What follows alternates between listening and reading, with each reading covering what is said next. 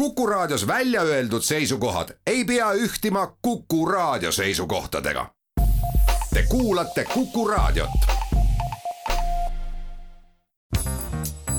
järjejutt. Fjodor Dostojevski, Kurjad vaimud. tõlkinud Virve Krimm Postimehe kirjastuselt. järjejutt.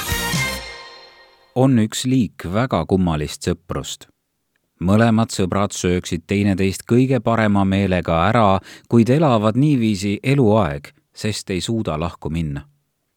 lahku minna on lihtsalt võimatu. see sõber, kes tujutsema hakkab ja sidemed katkestab, jääb ise esimesena haigeks ja võib-olla surebki, kui asi juba nii kaugel on.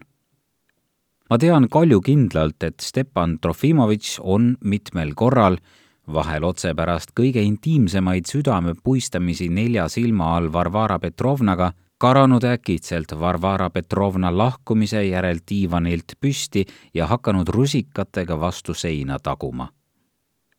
selles tegevuses polnud mingit allegooriat. ükskord tagus ta koguni krohvi seina alt lahti. võib-olla küsitakse nüüd minult, kuidas ma üldse nii peenikest üksikasja tean aga mis siis, kui ma olen ise tunnistajaks olnud, kui Stepan Trofimovitš on korduvalt minu rinna najal nutnud ja kõik oma südamesaladused mulle värvikalt ette maalinud. ja mida kõike ta seejuures veel on rääkinud. ja teate, mis juhtus peaaegu alati pärast säherdust nuttu? juba homme oli ta valmis iseennast tänamatuse eest risti lööma kähku laskis ta mind enda juurde kutsuda või tuli ise jooksujalu minu juurde ainsa eesmärgiga kuulutada mulle, et Varvara Petrovna on au ja delikaatsuse ingel. tema ise aga täielik vastand sellele. vähe veel, et ta minu juures käis ta avaldas kõiki neid mõtteid korduvalt ka daamile endale ilukõnest nõretavates kirjades, milles tunnistas, kinnitades seda täieliku allkirjaga, et hiljemalt eile olevat ta näiteks jutustanud kõrvalisele isikule, kuidas Varvara Petrovna peab teda auahnusest, kadestab tema õpetatust ja vaimuandeid ning vihkab teda ainult ei julge oma viha avalikult välja näidata, sest kardab, et ta läheb viimati minema ja kahjustab sellega daami kui kirjandusinimese mainet. ja et selle tagajärjel põlgab Stepan Trofimovitš nüüd iseennast ja on otsustanud endale vägivaldse surma läbi lõpu teha. Varvara Petrovnalt ootab aga veel vaid viimast sõna, mis otsustaks kõik ja nii edasi ja nii edasi ikka samas laadis selle peale võib juba ette kujutada, millise hüsteeria hooga lõppesid vahel tolle viiekümneaastaste lapsukeste süütuima esindaja närvilised puhangud. ma sain ükskord ise lugeda üht tema sedasorti kirja. see oli kirjutatud pärast nende järjekordset sõnavahetust, mille põhjus oli olnud tühine, kuid kulg mürgine. ma kohkusin ja palusin jätta kiri ära saatmata ei saa, ausam on, minu kohus on, ma suren, kui ma talle kõike viimseni üles ei tunnista, vastas Stepan Trofimovitš peaaegu palaviku värinal ja saatis kirja ikkagi ära. erinevus nende vahel seisneski selles, et Varvara Petrovna ei oleks kunagi niisugust kirja ära saatnud tõsi küll, Stepan Trofimovitš armastas meeletult kirjutada. ta kirjutas Varvara Petrovnale isegi siis, kui elas temaga ühes majas. hüsteeria hoos aga koguni kaks kirja päevas. ma tean surmkindlalt, et Varvara Petrovna luges need kirjad alati väga tähelepanelikult läbi ka sel juhul, kui neid laekus kaks tükki päevas ja olles need läbi lugenud, pani nad märgistatuna ja sorteerituna ühte kindlasse väiksesse laekasse. peale selle aga pani ta need tallele oma südamesse. ja siis, olles pidanud oma sõpra terve päeva vastuseta, kohtus ta temaga niisugune ilme näol, nagu ei olekski eile midagi erilist juhtunud vähehaaval koolitas Varvara Petrovna ta niiviisi välja, et ta ei julgenud ka omalt poolt enam eilset lugu meelde tuletada, vaid püüdis Varvara Petrovnale ainult tükk aega ikka uuesti silma vaadata. Varvara Petrovna ei unustanud seejuures kunagi midagi. Stepan Trofimovitš aga unustas kõik vahel liigagi kähku ja proua rahulikkusest julgustatuna naeris ta sageli juba samal päeval jälle uuesti ning tegi šampanjat juues koolipoisi tempe, kui mõni hea tuttav juhtus külla tulema. kui mürgiselt pidi küll Varvara Petrovna teda neil hetkel vaatama, kuid tema ei märganud midagi vahel lõi Stepan Trofimovitš veel nädala või kuu või ehk koguni poole aasta pärastki häbist lõkendama, meenutades mõnel erilisel hetkel kogemata mõnd väljendit säärasest kirjast ning siis juba ka kogu kirja ja kõiki sellega seotud asjaolusid. siis piinles ta vahel nii hirmsasti, et haigestus koleriini niisugused talle eriomased haigushood nagu koleriin olid mõnel juhul tema närvivapustuste tavaline tagajärg ja kujutasid endast teatud huvitavat kurioosumit tema kehaehituses. tõepoolest, küllap vihkas Varvara Petrovna teda nii mõnelgi hetkel, kuid tema ei märganud kuni lõpuni Varvara Petrovna juures üht asja. seda, et õigupoolest oli ta saanud Varvara Petrovnale juba nagu pojaks, tema kätetööks, koguni tema leiutiseks, kui nii võiks öelda et ta oli saanud lihaks tema lihast ja et Varvara Petrovna ei pidanud ega toitnud teda sugugi ainult kadedusest tema vaimuannete vastu. kui haavavad pidid küll säärased väited Varvara Petrovnale olema? temas elas mingi talumatu armastus Stepan Trofimovitši vastu. see elas keset lakkamatut vihkamist, kiivust ja põlgust kord, kui käisid alles esimesed kuuldused talupoegade vabastamisest ja kui kogu Venemaa oli hakanud äkitselt rõõmust hõiskama ning valmistus uuesti sünniks, külastas Varvara Petrovnat läbisõidul keegi Peterburi parun, kellel oli väga kõrgeid sidemeid ning kes seisis asjale väga lähedal Varvara Petrovna hindas niisuguseid külastusi eriliselt, kuna tema enda sidemed kõrgemas seltskonnas olid pärast abikaasa surma üha lõdvemaks jäänud ning viimasel ajal juba peaaegu katkenud. parun istus tema juures umbes tund aega ja jõi teed. kedagi muud seal ei olnud, ent Varvara Petrovna laskis kutsuda Stepan Trofimovitši ja demonstreeris teda parun oli temast ka varem üht-teist kuulnud või tegi näo, et on kuulnud kuid kõnetas teda tee joomisel harva. mõistagi ei saanud Stepan Trofimovitš endale häbi teha, juba tema maneeridki olid väga peened, ehkki ta oli vist õieti üsna madalat päritolu, oli juhtunud nii, et teda oli juba lapseeast peale kasvatatud ühes Moskva suursuguses majas ja kasvatatud nähtavasti vägagi viisakalt. ta rääkis prantsuse keelt nagu pariislane niisiis pidi parun esimesest pilgust mõistma, missuguseid inimesi on Varvara Petrovna enese ümber koondanud isegi siin üksildases kubermangu kolkas. ometi läks teisiti.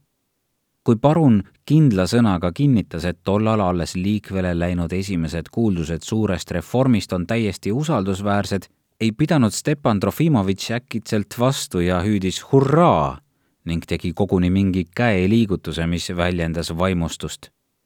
ta hüüdis seda vaikselt ja isegi maitsekalt, võib-olla oli tema vaimustuse avaldus koguni ette kavatsetud ja käeliigutus pool tundi enne tee joomist nimme peegli ees kätte õpitud, kuid nähtavasti läks tal sellega midagi viltu, sest parun lubas endale vaevu vaevu muiata pistes küll kohe haruldaselt viisakalt vahele mingi fraasi kõigi vene südamete üldisest ja asjakohasest liigutatusest suure sündmuse puhul. seepeale sõitis parun varsti minema ja ei unustanud lahkumisel ka Stepan Trofimovitšile kaht sõrme ulatada. kui nad olid võõraste tuppa tagasi läinud, vaikis Varvara Petrovna algul umbes kolm minutit ja tegi nagu otsiks midagi laualt siis pöördus ta äkitselt Stepan Trofimovitši poole, näost valge, silmad välkumas ning sisistas läbi hammaste. seda pean ma eluaeg meeles. järgmisel päeval käitus Varvara Petrovna oma sõbraga, nagu poleks midagi juhtunud. ta ei meenutanud kogu lugu enam kordagi. kuid kolmteist aastat hiljem, ühel traagilisel hetkel meenutas ja heitis seda sõbrale ette kähvatades just niisamuti nagu kolmeteistkümne aasta eest esimese etteheite tegemisel. vaid kaks korda elus ütles Varvara Petrovna talle, seda pean ma eluaeg meeles. juhtum paruniga oli juba teine kord. kuid ka esimene kord oli omast kohast nii iseloomulik ja tähendas Stepan Trofimovitši saatuses ilmselt nii palju, et ma riskin viidata ka sellele. See oli viiekümne viiendal aastal, kevadel maikuus ja nimelt pärast seda, kui Skvorežnikis oli saadud Stavrogini surmasõnum. kergemeelne vanahärra oli hinge heitnud seedimisrikke tagajärjel, olles teel Krimmi, kuhu ta oli määratud tegevarmeesse. Varvara Petrovna jäi leseks ja riietus leinarõivaisse tõsi küll, vaevalt ta väga sügavasti leinaski, sest viimased neli aastat oli ta ise loomude sobimatuse tõttu elanud mehest täielikult lahus, olles määranud talle pensioni.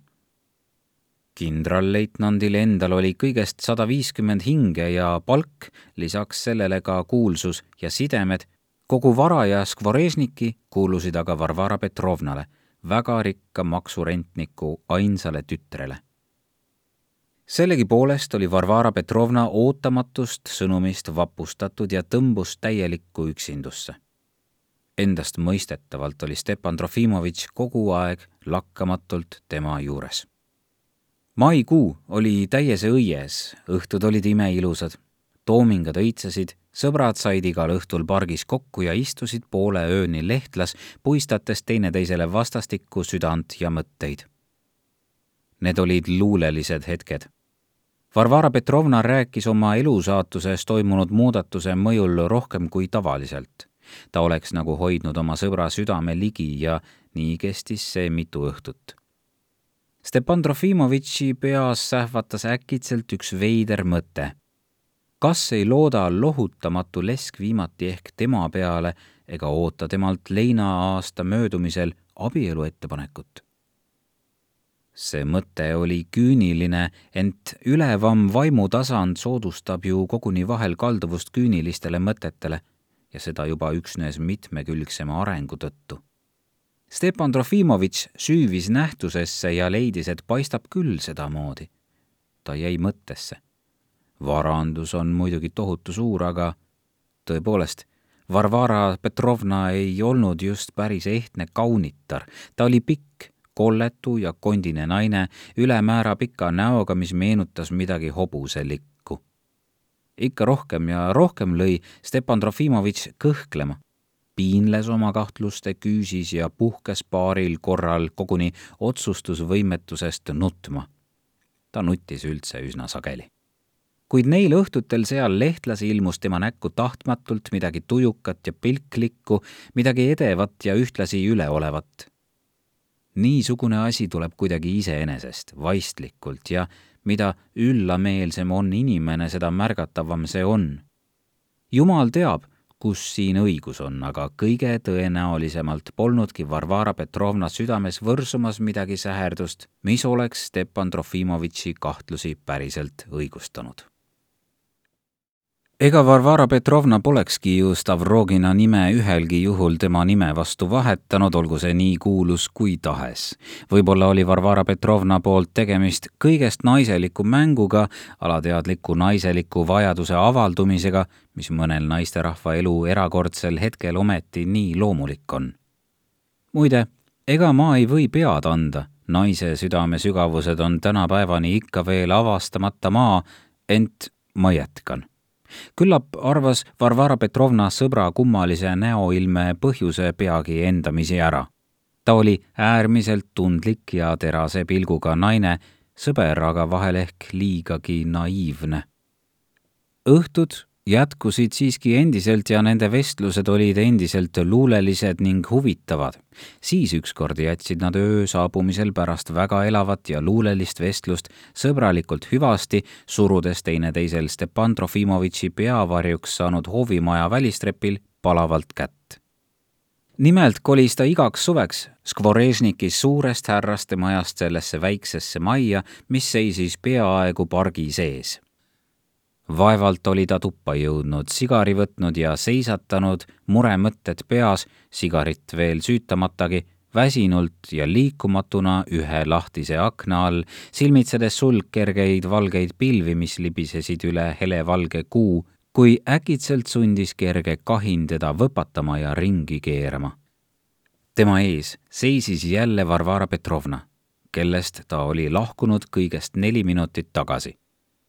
Proua kollane nägu oli nüüd peaaegu sinine tema huuled olid kokku surutud ja suunurgad värisesid. proua vaatas talle vähemalt kümme sekundit sõnatult, valju ja halastamatu pilguga otsa ning sosistas siis järsku ühe hingetõmbega. seda pean ma eluaeg meeles kui Stepan Trofimovitš seda kurba lugu mulle kümme aastat hiljem jutustas, rääkis ta sosinal, olles uksed enne lukku ja riivi pannud ning vandus mulle, et ta olevat tookord sealsamas paigas soolasambaks jäänud, nii et ei kuulnud ega näinud, kuidas Varvara Petrovna lahkus kuna proua hiljem enam kunagi ega kordagi sellele ei vihjanud ja kuna kõik läks edasi, nagu poleks midagi juhtunud, kaldus Stepan Trofimovitš ajapikku arvama, et see kõik oli olnud vaid haiguse-eelne hallutsinatsioon. seda enam, et samal ööl oligi ta tõepoolest haigeks jäänud ja põdenud siis tervelt kaks nädalat, mis oli teinud muide lõpu ka kokkusaamistele Lehtlas ent hallutsinatsiooniunelmast hoolimata oleks ta nagu eluaeg päevast päeva oodanud järge ja nii ütelda lahendust sellele loole. ta ei uskunud, et sellega ongi kõik lõpetatud. ja kui nii, siis pidi Stepan Trofimovitš silmitsema oma sõpra vahel küll tõesti väga kummalise pilguga. Varvara Petrovna oli talle välja mõelnud koguni ülikonna, millega ta oli sammunud läbi kogu elu see oli noobel ja väga iseloomulik ülikond. pikk must saterkuub, peaaegu kurguni kinni nööbitud, kuid seljas nagu valatud. laia äärega pehme kübar, suvel õlgkübar, valge suure sõlmega ja rippuvate otstega batist kaelaside, hõbenupuga jalutuskepp ning kõige selle juurde juuksed õlgadeni tal olid tumeruuged juuksed, alles viimasel ajal olid need veidi hallinema hakanud vurrusid ja habet ta ei kandnud, räägitakse, et ta olevat olnud noorena haruldaselt ilus mees. kuid minu meelest oli ta ka vanas eas erakordselt imposantne või mis vanus see viiskümmend kolm aastat siis on.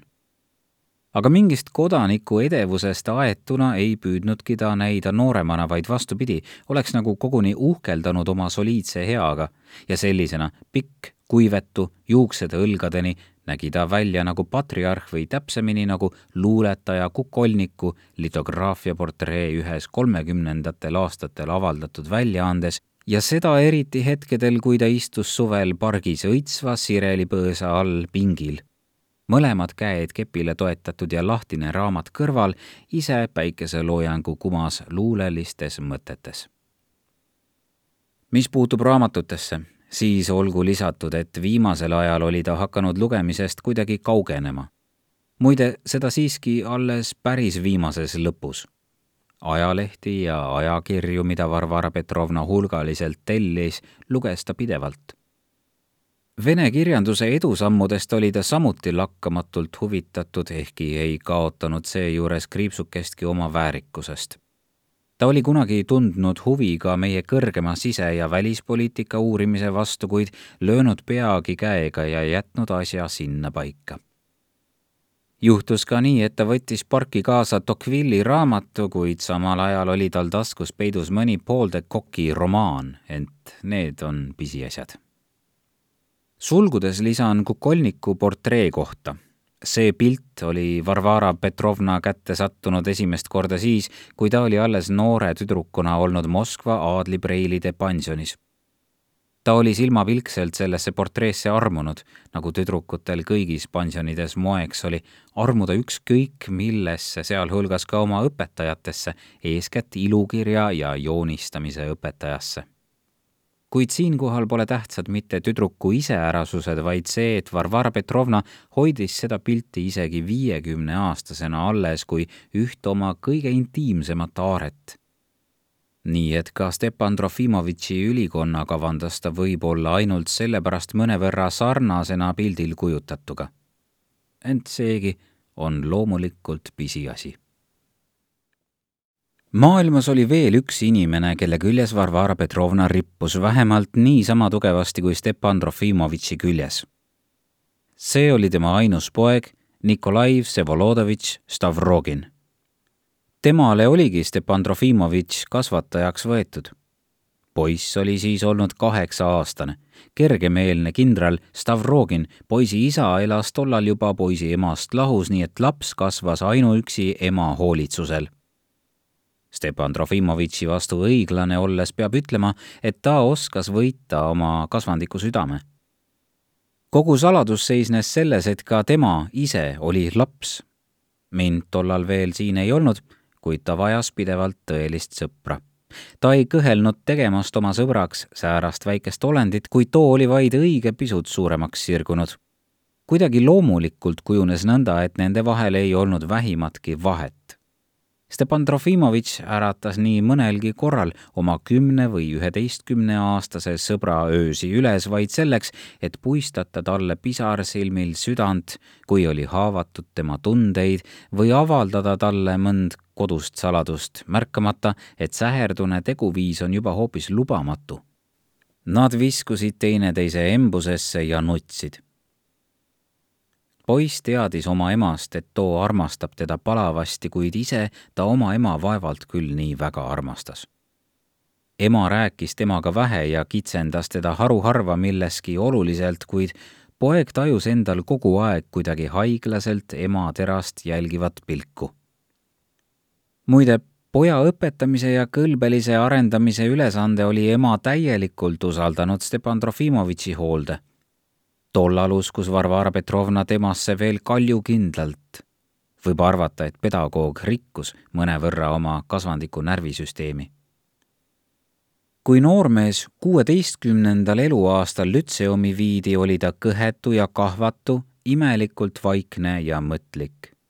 hiljem paistis ta silma erakordse füüsilise jõuga võib oletada, et sõbrad ei nutnud öösiti teineteise käte vahel mitte ainult mõningate koduste anekdootlike lugude pärast, Stepan Trofimovitš oli osanud puudutada sõbra kõige sügavamaid hingekeeli ja äratada temas esimese ja alles ebamäärase tunnetusena selle igikestva ja püha igatsuse, mida mõni valitud hing, kes seda kord on kogenud ja tunnetanud, hiljem enam iialgi mingi odavama rahulduse vastu ei vaheta on niisuguseidki fanaatikuid, kes seda igatsust kallimaks peavad kui kõige radikaalsemat rahuldust, kui midagi säärast üldse leida oleks.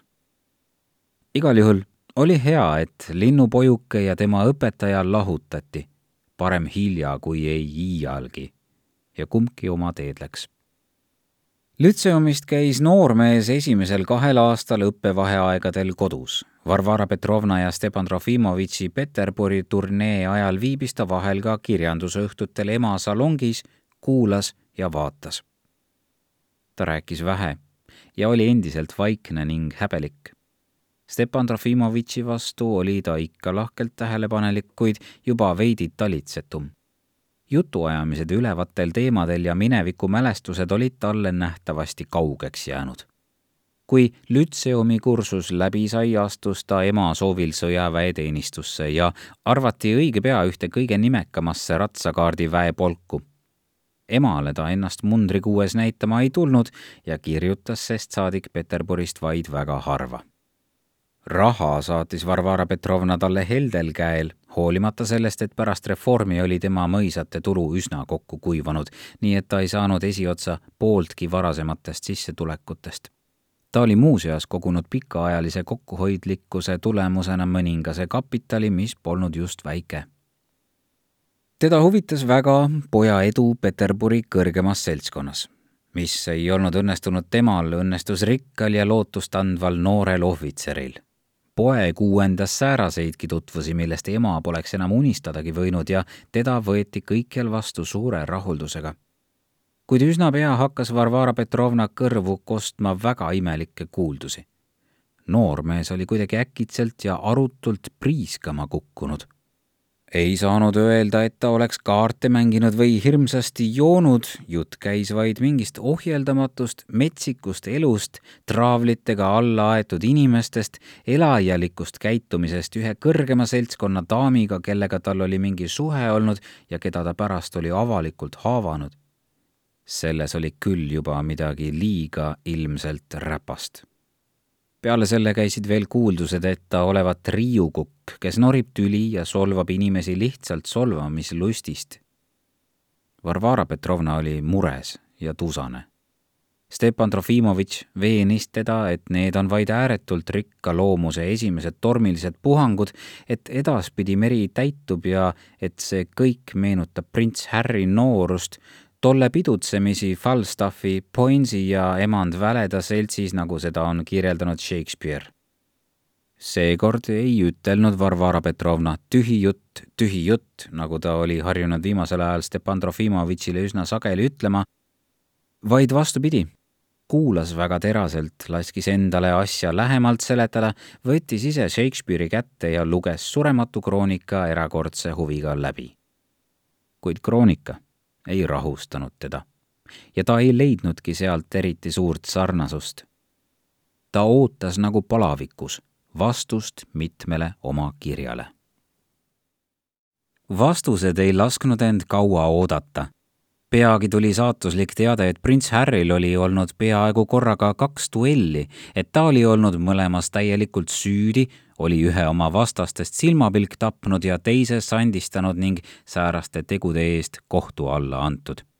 asi lõppes sõduriks degradeerimisega, õigustest ilmajätmisega ja ühte jalaväepolku teenistusse saatmisega, mis oli iseenesest eriti suur armulikkus kuuekümne kolmandal aastal õnnestus tal kuidagi oma tublidust näidata, teda autasustati ristiga ja ülendati allohvitseriks, seejärel varsti ka ohvitseriks. kogu selle aja jooksul saatis Varvara Petrovna pealinna küll vähemalt sada kirja täis palveid ja anumist. niisugusel erakorralisel puhul lubas ta endale natuke enesealandust. pärast aukraadi saamist läks noormees äkitselt erru Skvorežnikisse aga ei tulnud seegi kord ja emale lakkas ta nüüd juba täielikult kirjutamast. lõpuks saadi kaudseid teid pidi teada, et ta on jälle Peterburis, kuid endises seltskonnas teda enam vastu ei võeta. nüüd oli ta otsekui kuhugi peitu pugenud.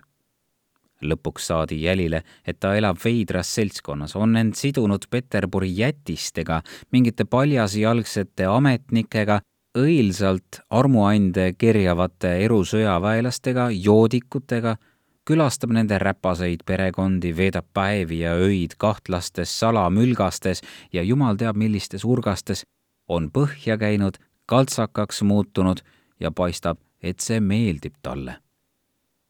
emalt ta raha ei palunud, tal oli oma väike mõis kunagine kindral Stavrogini küla, mis ometi midagi sisse tõi ja mille ta oli ühele Saksimaa sakslasele rendile andnud.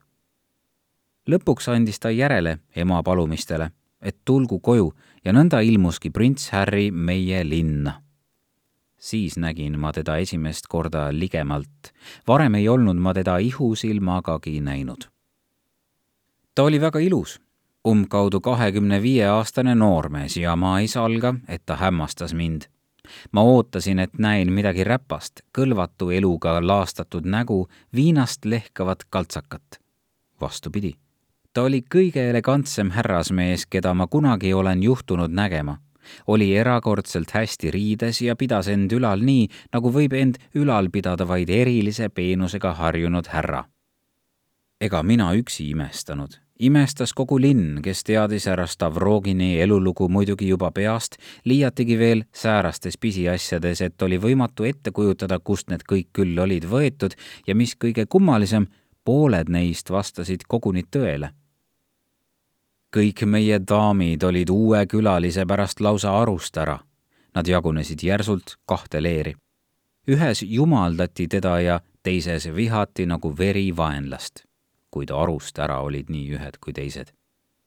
ühtesid võlus eriti see, et võib-olla on tema hingel mingi saatuslik saladus.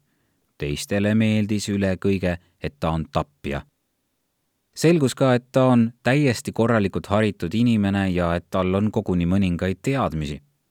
selleks, et meid üllatada, polnud muidugi eriti palju teadmisi vaja aga ta oli võimeline arutlema väga põnevate, põletavate probleemide üle ja mis kõige hinnatavam, tegema seda silmapaistva arukusega. kummalisena olgu mainitud järgmist. meil leidsid kõik peaaegu kohe esimesel päeval, et ta on erakordselt arukas mees. ta oli üsna sõnakehv ilma peenutsemata elegantne, imetlusväärselt tagasihoidlik ning samal ajal ka julgem ja enesekindlam kui keegi muu meie linnas. Meie keigarid vaatasid teda kadedusega ja jäid tema kõrval hoopis kahvatuks. ka tema nägu hämmastas mind. ta juuksed olid kuidagi kangesti mustad, heledad silmad kuidagi kangesti rahulikud ja selged, näonahk kuidagi kangesti õrn ja valge punapõskedel kuidagi väga särav ja puhas, hambad nagu pärlid, huuled nagu korallid, võta või jäta, pilt ilus, kuid ühtlasi kuidagi eemale tõukav nägu. räägiti, et tema nägu meenutab maski. muide, räägiti üldse palju, muuhulgas ka seda, et ta olevat kehaliselt haruldaselt tugev. kasvult oli ta peaaegu pikk mees, Varvara Petrovna vaatas tema peale uhkusega, kuid alalise murega. See noormees elas meie linnas umbes pool aastat, loid, vaikne, üsna sünge näoga. ta käis ka seltskonnas ja täitis alati tähelepanelikult kõiki meie kubermangu etiketi nõudeid. kuberner oli talle isa poolt sugulane ja võttis teda omas majas vastu kui perekonnaliiget. ent möödus mõni kuu ja äkitselt näitas kiskja küüsi meie, lähedased inimesed, saime kõik aru ja Stepan Trofimovitš oli meist kõigist kõige arusaajam, et poeg on Varvara Petrovnale nüüd nagu mingi uus lootus ja isegi uus unistus. tema tung poja poole oli ärganud alates poja edusammudest Peterburi kõrgemas seltskonnas ja saanud erilise hoo sellest hetkest, kui tuli teade poja degradeerimisest kuid nähtavasti kartis ta ühtlasi oma poega ja oli tema ees peaaegu nagu orjatar.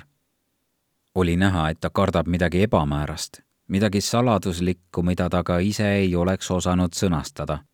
ja ta uuris Nikolaad sageli märkamatult oma läbitungivalt terava pilguga, ise endamisi mõeldes ja mõistatades, kuni lõpuks kiskja küüsi näitas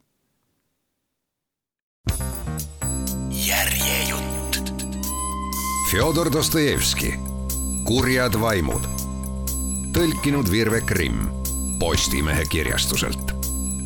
järjejutt